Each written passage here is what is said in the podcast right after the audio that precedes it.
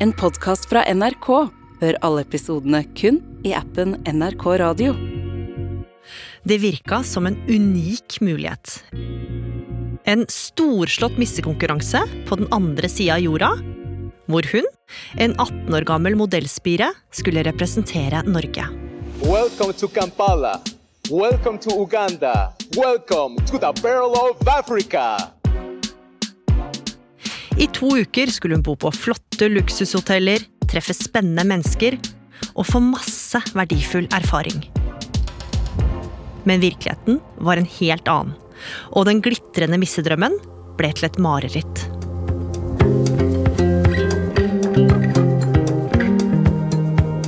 Du hører på Oppdatert. Jeg heter Gry Veiby. Hvis jeg sier ordet missekonkurranse, så tenker du kanskje på en lang rekke med nydelige unge damer. De er perfekt sminka, de har dyre, overdådige kjoler og lekre smykker.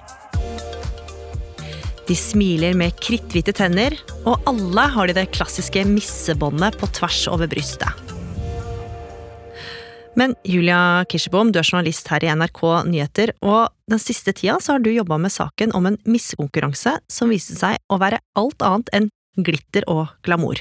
Ja, og det som skjedde var så spesielt at jeg trodde ikke på det når vi fikk tips om det først. Jeg tenkte at det var for sjukt til å være sant. Men det var det jo ikke, og den historien her den starter med en 18-åring fra Oslo som du har intervjua. Ja, hun eh, jeg har snakket med heter Chanel. Hun eh, er 18 og nettopp ferdig med videregående, og så har hun én drøm, og det er å bli modell. Og nå som hun er ferdig på videregående, så kan hun eh, satse fullt og helt på modellkarrieren. Hun har flytta for seg selv og bor i kollektiv på Grünerløkka i Oslo.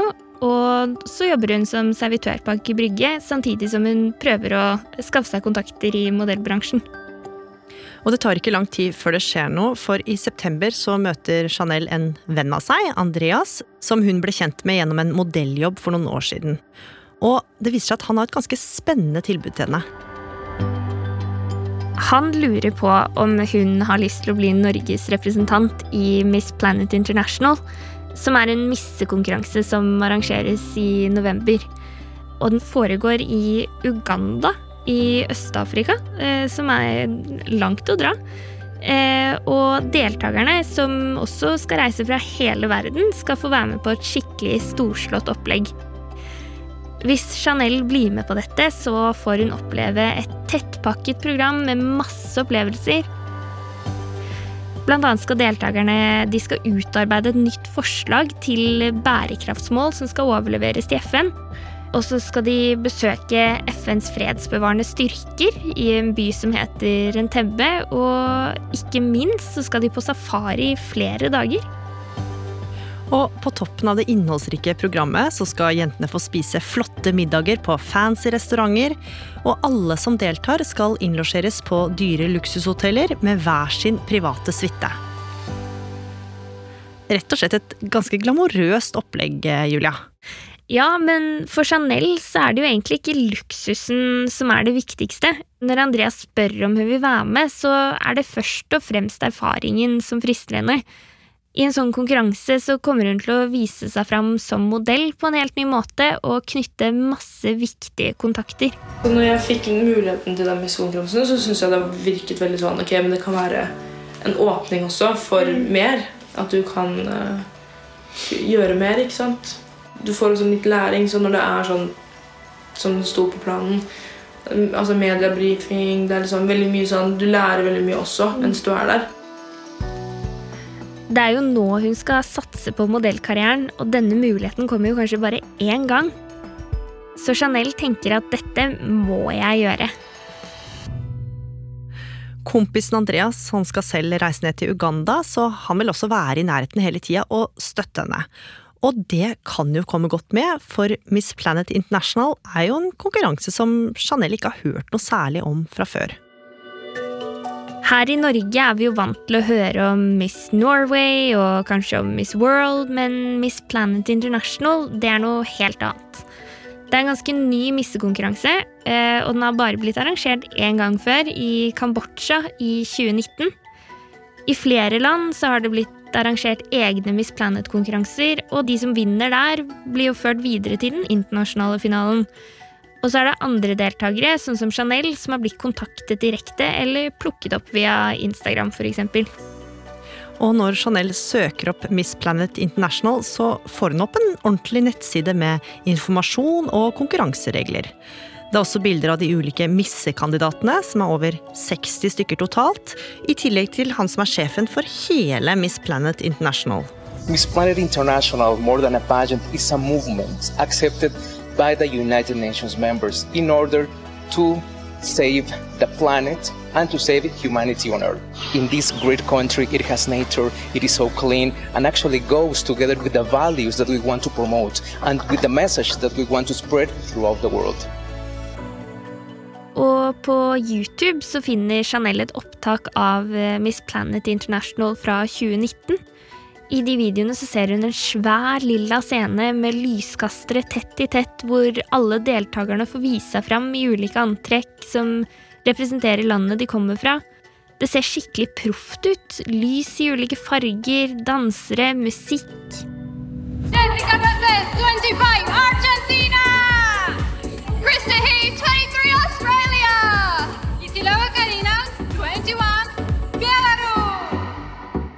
Og når det i tillegg kommer fram at Andreas kjenner hun som er lederen for missekonkurransen i Uganda, er Chanel helt overbevist om at dette er et seriøst opplegg.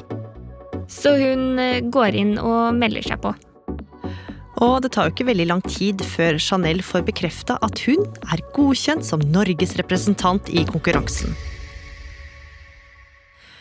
Hun får tilsendt diverse informasjon om oppholdet, bl.a. en fyldig timeplan for dagene før selve konkurransen, og ikke minst en rimelig heftig pakkeliste, for en sånn miskonkurranse krever jo visse forberedelser, Julia.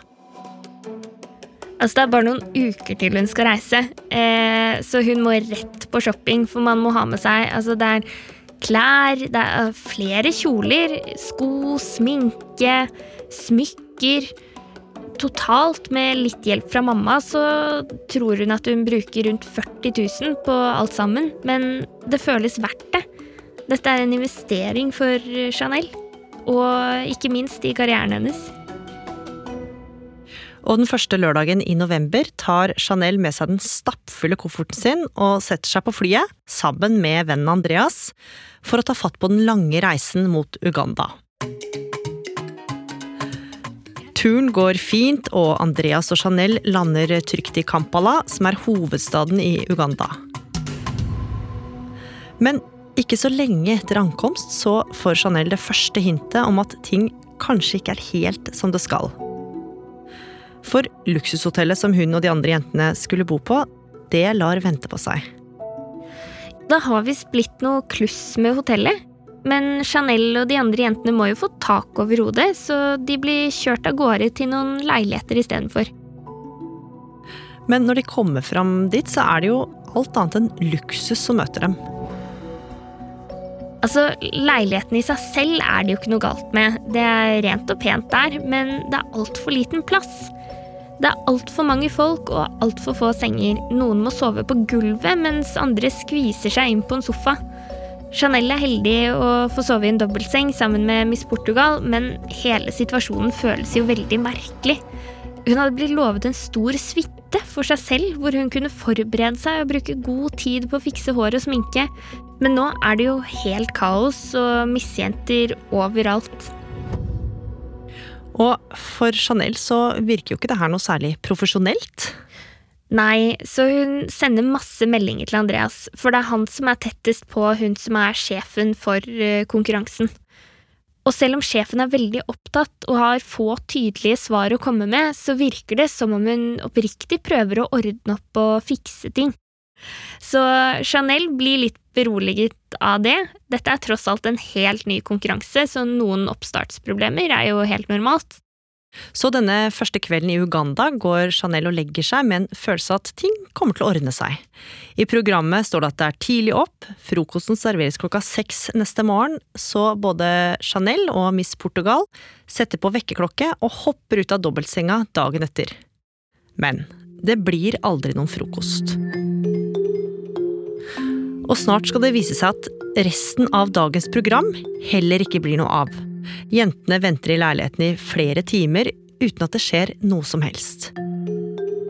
Og mens de sitter der med rumlende mager hele gjengen, så merker Chanel at en ekkel følelse av bekymring sniker seg på. Og den følelsen, den forsvinner ikke. Etter mange timer uten mat og drikke blir alle deltakerne kjørt ut til en jordete gressplen hvor de gjennomfører en veldig halvveis velkomstseremoni. Hvor flere av jentene faller langflate fordi de vakler rundt på gresset i høye hæler. Alt er bare kaos, og Chanel føler seg dårlig. Det er veldig varmt i Uganda, og hun har nesten ikke fått i seg noe væske. Nå begynner hun virkelig å lure på om det blir noe missekonkurranse i det hele tatt. Og mens Miss Planet-sjefen stadig trekker seg tilbake og er umulig å få tak i, så blir det hele tida større sprekker i deltakernes program.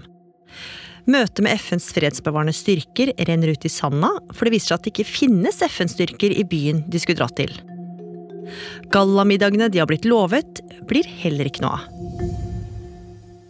Og det stopper ikke der, Julia.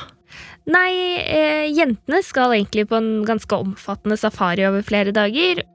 Og Chanel har kjøpt egne antrekk til safarien fordi det skal arrangeres en stor fotoshoot der eh, underveis. Men så er det litt fram og tilbake med når safarien skal skje. Det er usikkert om det blir noe av i det hele tatt, og deltakerne er fortsatt skvist sammen i disse leilighetene. Så nå har flere av jentene begynt å gi opp.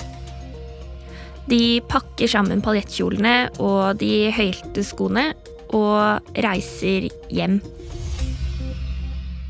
Men selv om jente etter jente nå forlater Miss Planet International, så gjelder ikke det Chanel, for hun blir værende i Uganda. Ja, for det er jo viktig for henne å være med på dette. Eh, hun har brukt masse tid og penger på konkurransen, og dette skal være en viktig brikke i modellkarrieren hennes. Så det føles feil å gi opp så fort. Hun har fortsatt et håp om at eh, ting skal ordne seg. Og snart så skal det håpet vekkes, for etter fire dager i stappfulle leiligheter så får de gjenværende jentene beskjed om at de skal flyttes til et nytt sted og denne gangen så er det et hotell som venter på dem. Et uh, luksushotell, faktisk. Det heter uh, Sarah Garden, og det er skikkelig flott. Jentene får hvert sitt store rom helt for seg selv. De leverer fra seg passene i resepsjonen, noe som er helt vanlig rutine, og så kan Chanel endelig pakke ut og henge alle antrekkene sine inn i skapet. Etter flere dager med kaos, lite mat og planer som ikke blir noe av, så føles det som om situasjonen har landet litt. Chanel tenker at nå ordner det seg. Her skal vi bli lenge. Men det viser seg dessverre at Chanel tar feil. For flere av jentene syns det er ubehagelig at hotellet fortsatt holder på passene deres, og vil gjerne ha dem tilbake. Nå stiller flere av dem seg foran resepsjonen, men personen som står bak skranken, rister på hodet. Resepsjonisten sier at ingen har betalt for rommene deres, og at hun som er sjefen for konkurransen, har sagt at hotellet kan beholde alle passene, mens hun selv går i banken for å ordne opp. NRK har seinere snakka med sjefen, som har en litt annen versjon av det som skjedde den kvelden, men det kommer vi snart tilbake til. Men uansett, Julia, så blir det nå full panikk i resepsjonen. Jentene vil selvfølgelig ha passene sine, men hotellet står på sitt. De vil ikke gi fra seg passene før eh, sjefen er der. Det blir mye krangling, roping fram og tilbake, men til slutt, etter mange timer, får deltakerne passet sitt. Midt i kaoset, samtidig som alt dette foregår, så har begeret rent over for Chanel. Hun er kjemperedd. Nå vil hun bare hjem til Norge så fort hun kan. Chanel tar passet sitt i hånda og løper opp på rommet, hvor hun nå river de dyre klærne ned fra hengerne og stapper dem ned i kofferten. I full fart endrer hun flybillett hjem til Norge, og får nå en ny reise tidlig neste morgen. Men dramaet nede i resepsjonen er fortsatt ikke over. Nå har Miss Planet-sjefen kommet tilbake. Hun har fortsatt ikke betalt for rommene, og nå blir flere av jentene visstnok nektet å forlate hotellet. En av jentene, Miss Filippinene, hun blir helt ute av seg og står og gråter ved resepsjonen.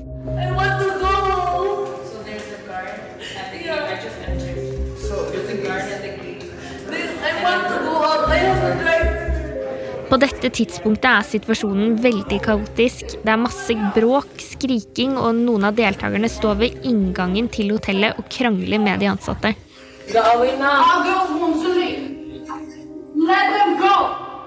Og så, mens jentene fortsatt gråter og er redde, så kommer politiet. Det er da sjefen for konkurransen blir tatt inn på et eget rom helt alene, hvor hun angivelig blir arrestert. Og her får misseventyret, misseeventyret, eller missemarerittet, en brå slutt for Chanel. Hun får lov til å bli på hotellet til morgenen etter, noe hun betaler for av egen lomme. Og så, mens hun fortsatt er skjelven i kroppen, så setter hun seg på flyet og reiser hjem til Norge. Og vel hjemme så får hun vite stadig mer om turen hun har vært på, Julia. Ja, for det kommer fram at det er ikke bare dette luksushotellet som ikke fikk pengene sine. Leilighetene som de bodde i, der noen måtte ligge på gulvet og sove, ble heller aldri betalt for. Det er fortsatt ingen som har tatt ansvaret for regningen på 34 000 kroner. Og safarituren som deltakerne skulle på, med fotoshoot og alt mulig, ble også avlyst fordi hotellet de skulle bo på, ikke fikk noe penger. Totalt sett så var det egentlig ingenting som ble noe av, heller ikke selve missekonkurransen. Så Julia, det misseeventyret her ble jo ikke som Chanel og de andre deltakerne hadde sett for seg. Faktisk tvert imot, det virker jo nesten som om hele konkurransen bare var et luftslott. Hvorfor ble det her i det hele tatt satt i stand? Det har jeg spurt meg selv om en del ganger. Eh, det kan godt hende at det var gode intensjoner i bunnen her. Og så er det litt forskjellige versjoner av hva som egentlig skjedde.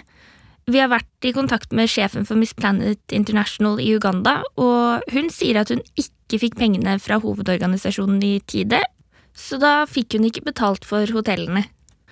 Og så mener hun at eh, ebola, altså sykdommen, har skylda for at arrangementer underveis ikke ble noe av. Eh, men hovedorganisasjonen, som vi ikke har eh, fått tak i, har i sosiale medier lagt skylda på lokale arrangører for at alt gikk i vasken. Hva med den kvelden på hotellet, da, der politiet tilsynelatende arresterte sjefen for konkurransen?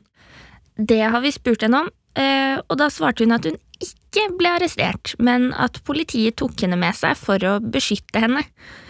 Det har hun ikke kunnet dokumentere, så vi har prøvd å ettergå det hun har sagt med lokalt politi i Uganda, men de har ikke svart oss. Men Julia, altså Chanel brukte jo masse tid og penger på den missekonkurransen her. Er det en håp at hun kan få noe av det tilbake? Chanel endte med å anmelde sjefen for Miss Planet International Uganda for bedrageri, eh, men den saken er nå henlagt av politiet her i Norge. Men vi har jo snakket med sjefen, og hun understreker at hun har tenkt å betale tilbake alle som ikke har fått pengene sine. Selv så er Chanel flau. Hun føler seg dum og skuffa, men hun føler at hun har fått en lærepenge for livet. Og missedrømmen, den lever fortsatt.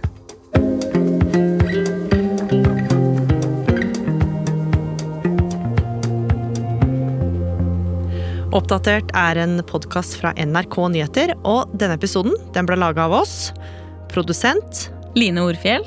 lyddesign, Espen Bjørlo Mellem. vaktsjef, Ina Swann. og jeg heter Gry Veiby. Programredaktør er meg, Knut Magnus Berge. Klippene du har hørt, er fra Miss Planet International, YouTube og NRK. Har du tips eller innspill, så må du gjerne sende oss en e-post på oppdatert krøllalfa nrk.no. En podkast fra NRK.